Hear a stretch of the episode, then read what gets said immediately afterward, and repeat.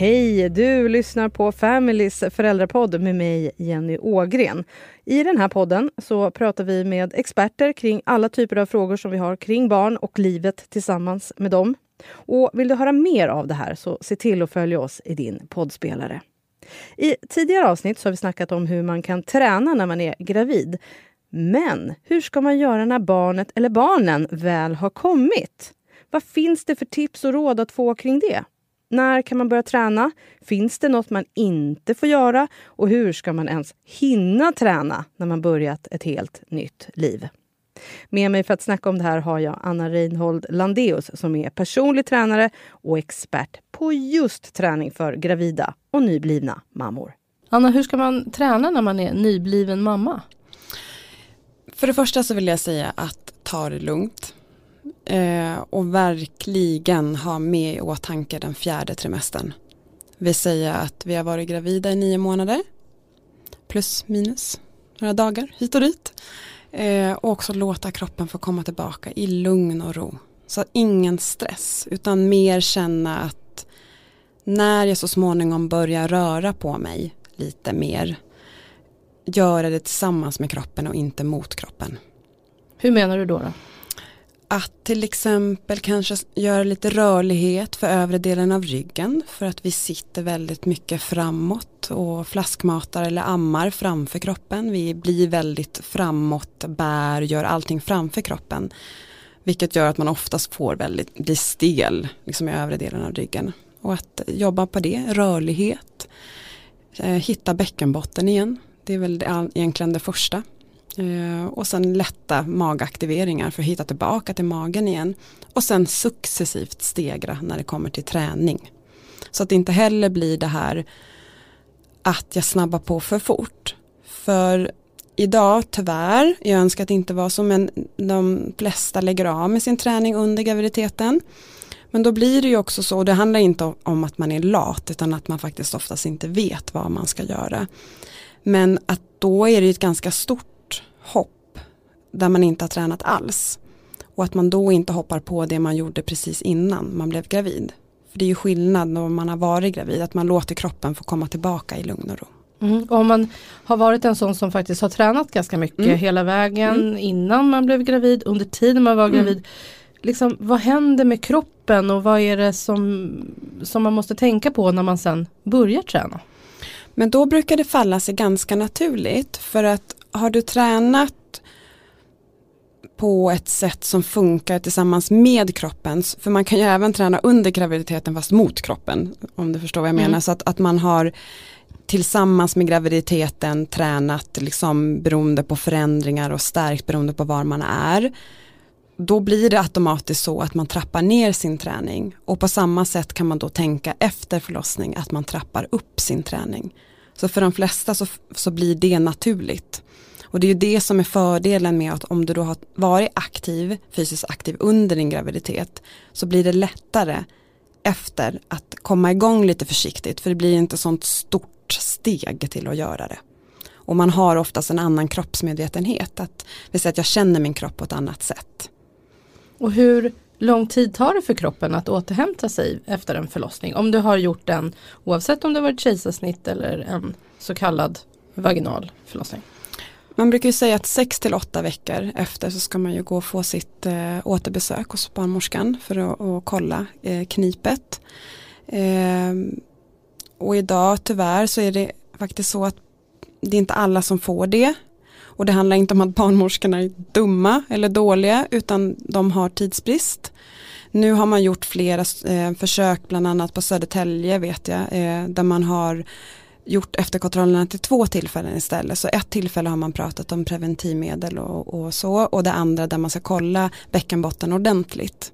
Och det tycker jag är jättepositivt. Eh, jag har tyvärr allt för många mammor som kommer tillbaka till mig och när man pratar liksom om återkontrollen och då har de inte ens blivit erbjudna det. Eh, och det är ju viktigt eh, för att kolla knipet och så. Eh, och det handlar ju om att bäckenbotten ska få tillbaka sin sin stadga och stabilitet igen och att man ska hitta knipet då, oavsett, eller knipet men aktiveringen. Och då är det ju oavsett om man har fött med kejsarsnitt eller vaginalt. För eh, bäckenbotten påverkas ju under hela graviditeten. Sen är det klart att det blir en annan, kan bli en annan påverkan under en vaginal förlossning än med ett kejsarsnitt. Men eh, även vi som är snittade har ju påverkats av eh, graviditeten av, på bäckenbotten, bäckenbotten då också. Mm. Och hur lång tid tar det liksom för magmusklerna att växa ihop igen? Alltså de växer ju inte ihop. Det, för det, det eller vad händer? Mm, alltså det handlar ju mer om att de breddas. Alla får en bredd, eller alla, man säger väl mellan 93 till 100 procent får en, en breddning. Eh, av sin, och det är ju för att man inte vet riktigt hur var måttet eh, innan mellan bukhalvorna. Så det är därför man säger mellan 93 till 100 procent. Sen är det ju som med studier som är allt, jag kan alltid hitta studier som stödjer min teori. Eh, så det är därför det, det är ju olika eh, om man tittar på olika studier. Men att de, alla, de flesta blir ju påverkade på något sätt. Och att magen blir påverkad, det vet vi ju för att magmusklerna delas lite åt sidan åtminstone och de sträcks ut. Och det tar väldigt olika tid för olika kvinnor. Så att jag, eh, jag ska nog passa sig för att säga så här, det tar den tiden eller inte den tiden. Utan, och det viktigaste är inte bredden, utan det viktigaste skulle jag vilja säga, eh, och vi som jobbar med det här, det är funktionen. Vill säga kan du liksom så småningom aktivera din mage igen? Kan du ha det här magstödet när du lyfter? Eh, när du så småningom börjar träna. Och det är ju där en stor debatt är idag. Eh, därför att det är många kvinnor som, som inte får tillbaka sin funktion utan lider något fruktansvärt av sin delning. Och kämpar nu då, då eh, för att kunna få hjälp med det. Eh, vad är viktigt då att tänka på när man väl börjar träna och trappa upp lite? Ja men det är att man har med sig det här. Jag tror att det är samma, precis som i slutet av graviditeten, att du lägger mycket fokus på att ha med bäckenbotten, ha med en lätt magaktivering och få det här samspelet med andningen. Att den, de här tre ska liksom funka och synka tillsammans som de gjorde innan graviditeten och att man hittar tillbaka till det.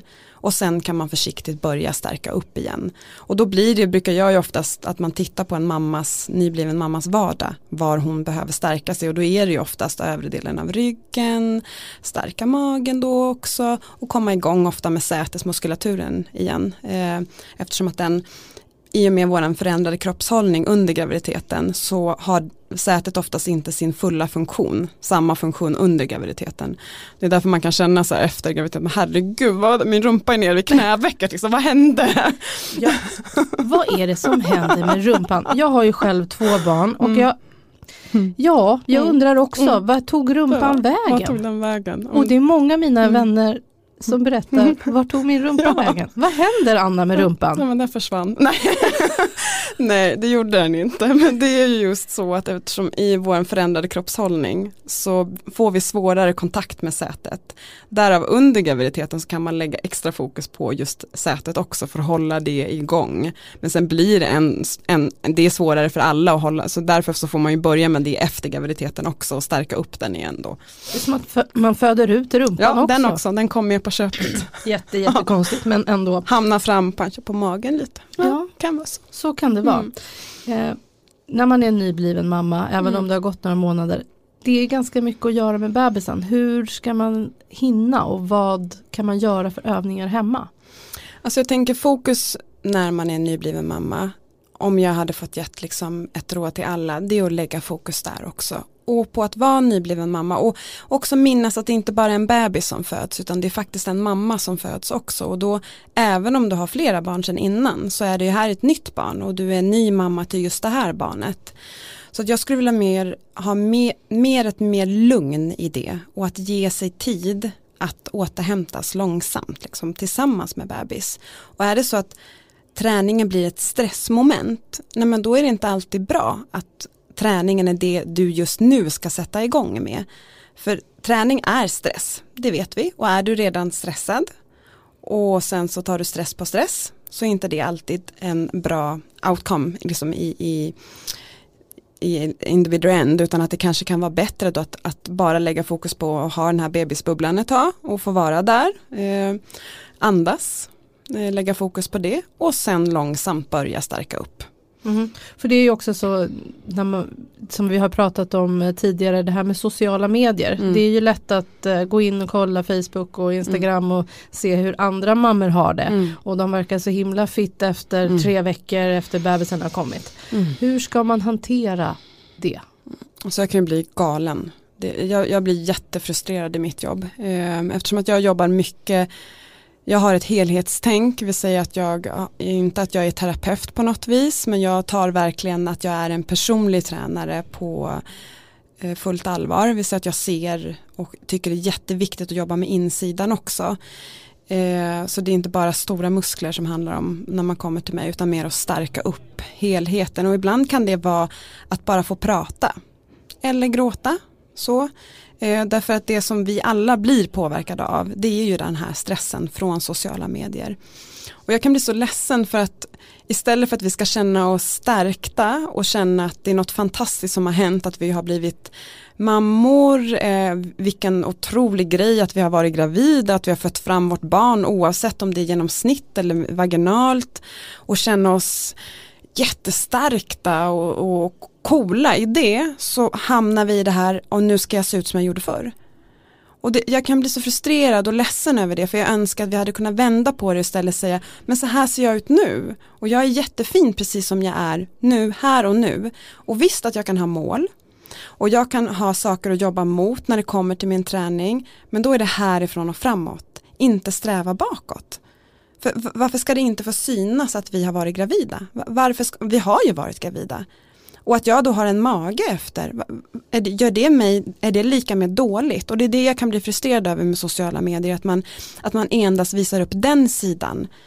För att jag skulle vilja se mer ärligt, men det är svårt, jag håller med. Det, och det kan jag känna i, på mitt Instagram också som jag har, att det är svårt att verkligen vara varsam i vad jag lägger ut. Nu lägger jag sällan ut min egen träning därför att jag kan känna att det egentligen inte är intressant hur jag tränar privat eh, eftersom att jag vill vara en inspiration och jag vet att man kan bli inspirerad, att man snarare att det blir stressigt istället.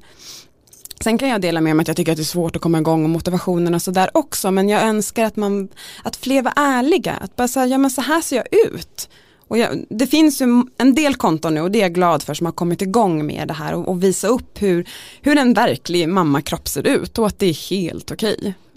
För jag tror att ju mer vi skulle se av det, desto mindre stressade och pressade skulle vi bli. Det är jättebra tips. Att visa upp mm. en, en, den verklighet vi faktiskt ja. lever i. Eh, med all den här pressen som är på nyblivna mammor med mm. allt man ska hinna på, vad kan omgivningen göra? Alltså en pappa eller en partner eller andra runt omkring en hjälpa för att mamma ska kunna träna lite? Mm, det där har jag också tänkt på för det kan ju faktiskt vara väldigt svårt att komma iväg eh, med bebis. Eh, och då tror jag att, att kunna ha bebisen en liten stund då, så att man i början kanske kan få sova, det får vara steg ett. Sova, andas, ta en dusch, äta en måltid. Du vet, själv så här, trebarnsmamma, jag går, tror jag fortfarande inte att gå på toa själv. Eh, Nej, fast de är 15, 7 och 3. Nej, okej, okay. Men att, att, att man kanske stegvis ser behovet, vad är den kvinnan jag har framför mig, vad är hennes behov? Ja men alltså den enas behov kanske var att andas en stund, sitta med en kopp kaffe eller en te i solen. Eller någon kanske behövde gå ut och träna. Ja men att man då också tar med, vågar vara den här som säger, men jag tar bebisen i en kvart då. Är det så att man, man, bebisen vill vara jättenära mamma så kanske det inte går längre än en kvart. Men då var det en kvart. Så att, att det här lilla, för det är oftast det i allt, att vi tänker att allting ska vara så stort och mycket hela tiden. Ja men jag ska hjälpa dig med ditt barn. Nej men herregud, jag kan inte hjälpa dig en hel dag. Nej okej, okay, jag kanske inte ens kan hjälpa dig en timme. Men en kvart kan jag säkert komma och ta.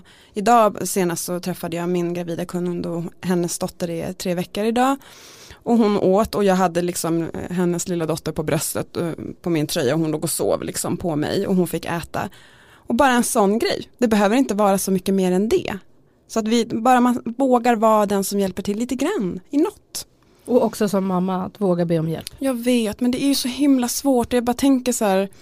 Ja, ja visst absolut. Det är klart att vi också ska våga det. Att man inte ska, ensam är inte starkt. Det vill jag också, det är bra sagt Jenny. För det, det är det vi ska trycka ännu mer på. Det är tillsammans. För genom att vara sårbar och säga att jag, jag, kan, jag fixar inte det här. Jag, liksom, och det handlar inte om att jag fixar inte det här, jag är dålig mamma. Utan jag fixar inte det här för jag är också en egen person. Precis. Och det här är ju också en sån här sak som vi har pratat lite om mm. när vi har pratat eh, bredvid här du och jag. Mm. att eh, jag hade, gjort, hade velat göra mycket saker annorlunda mm. när jag mm. var både gravid och nybliven mamma. Mm. Våga be om hjälp men mm. jag vet att det är väldigt svårt. Men det är bra. Så att du som lyssnar, försök att be om hjälp för att få lite paus. Och kanske få gå ut och ta en promenad. Precis.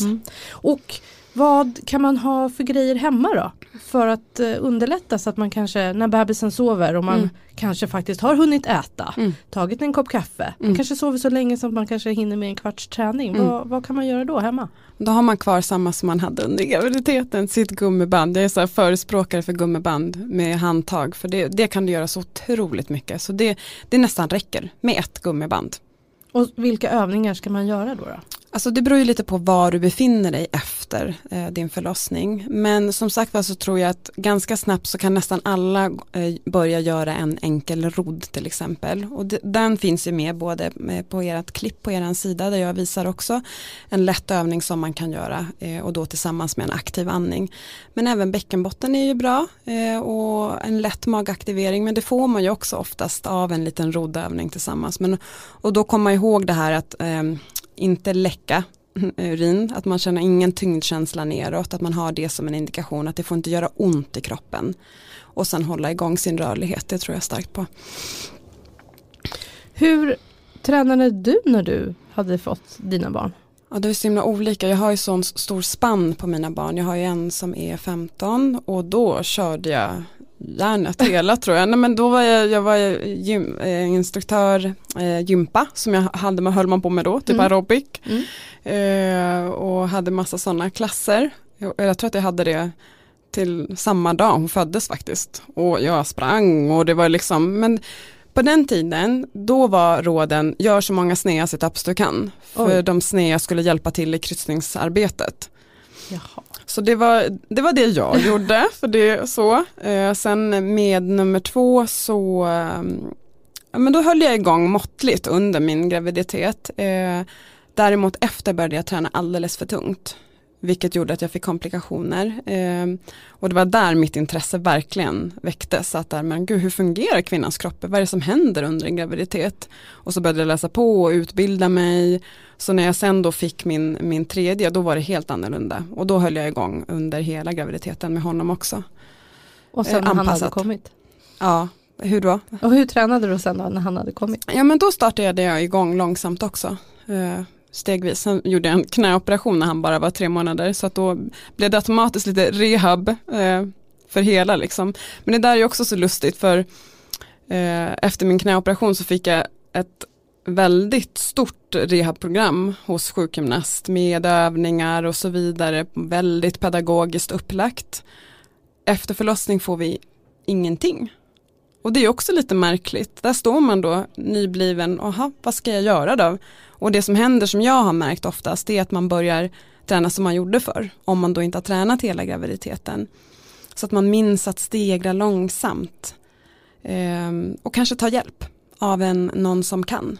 Eh, en personlig tränare med den kunskapen. Om man då är nybliven mamma, man får inte sova så mycket, man är mentalt ganska slut mm. och, och, kanske också har fler barn. Hur ska jag hitta motivationen att träna? Det, det är ju svårt. Där tänker jag att ett kan vara att ta hjälp. Att kanske om man kan kan få barnvakt, någon som hjälper till med bebis en liten stund. Eller två, för det jag märker det är nästan alla, jag gjorde själv också, det är nästan alla gör, det är ju att gå dessa promenader, barnvagnspromenader. Och visst, det är bra, det är bra att komma ut. Är det någonting jag skulle rekommendera i första hand? Nej, faktiskt inte, därför att i många fall så blir det för många promenader och det sliter jättemycket just kring höfterna och på kroppen att vara ute och gå i flera timmar. Så där skulle man kanske istället då kunna ta med ett gummiband, eh, gå en liten kortare promenad, göra några knäböj, göra några höftlyft, några roddövningar med eh, gummibandet och sen så går man hem igen. Att få in det Eh, istället för de här jättelånga promenaderna hela tiden då. Sen Anna, kan man ju... nu förstör ju du här för väldigt många som går de här långa promenaderna. Jag, jag var en av dem. Mm, ja jag vet och det för vissa funkar det men jag tänker också att jag träffar väldigt många som det inte gör det för som får ont. Eh, och så som det ser ut idag, att det är ganska många som får förlossningsskador efter, så ska man vara varse om det också, att bäckenbotten kanske inte riktigt har sin fulla funktion efter heller och att långsamt kan behöva där. Men då tänker jag så här, men då kan man väl träffas och gå en liten promenad. Jag säger inte att man ska sluta gå, absolut inte. Men det kanske inte behöver vara de här som jag möter, som, där de flesta är liksom ute och går i tre timmar. Ja, då var det ändå tre timmar. Att då hade man kanske kunnat gå en timme då, korta ner lite och sen så trän, stärk upp kroppen också. Så att det inte bara blir de här jättelånga promenaderna. Och ett gummiband. Och ett gummiband, jag tjatar om det där gummibandet. men alltså det är så bra, jag tycker det är det bästa redskap som finns. Anna, vad är ditt sista tips då, annars, förutom gummiband och lite färre promenader? Tänker du i träningsväg då? Ja. Eller, ja. Som mm. när man har fått en liten bebis ja, men stegla långsamt, ta med andningen återigen, jättemycket fokus på andas. Var snäll mot sig själv, eh, träna med kroppen, inte mot. Så det, ja. Kanske inte jämföra med andra? Nej, inte jämföra alls och inte med sig själv heller. Inte jämföra med hur jag var förut. Ha mål, absolut med träningen, men härifrån och framåt. Tack Anna för att du var med idag. Tack för att jag fick vara med. Tack Anna Reinhold Landés för alla de här tipsen kring träning när man är nybliven mamma. Själv heter jag Jenny Ågren och är det så att du vill höra mer av Familjepodden, se till att följa oss i din poddspelare så hörs vi snart igen. Hej då!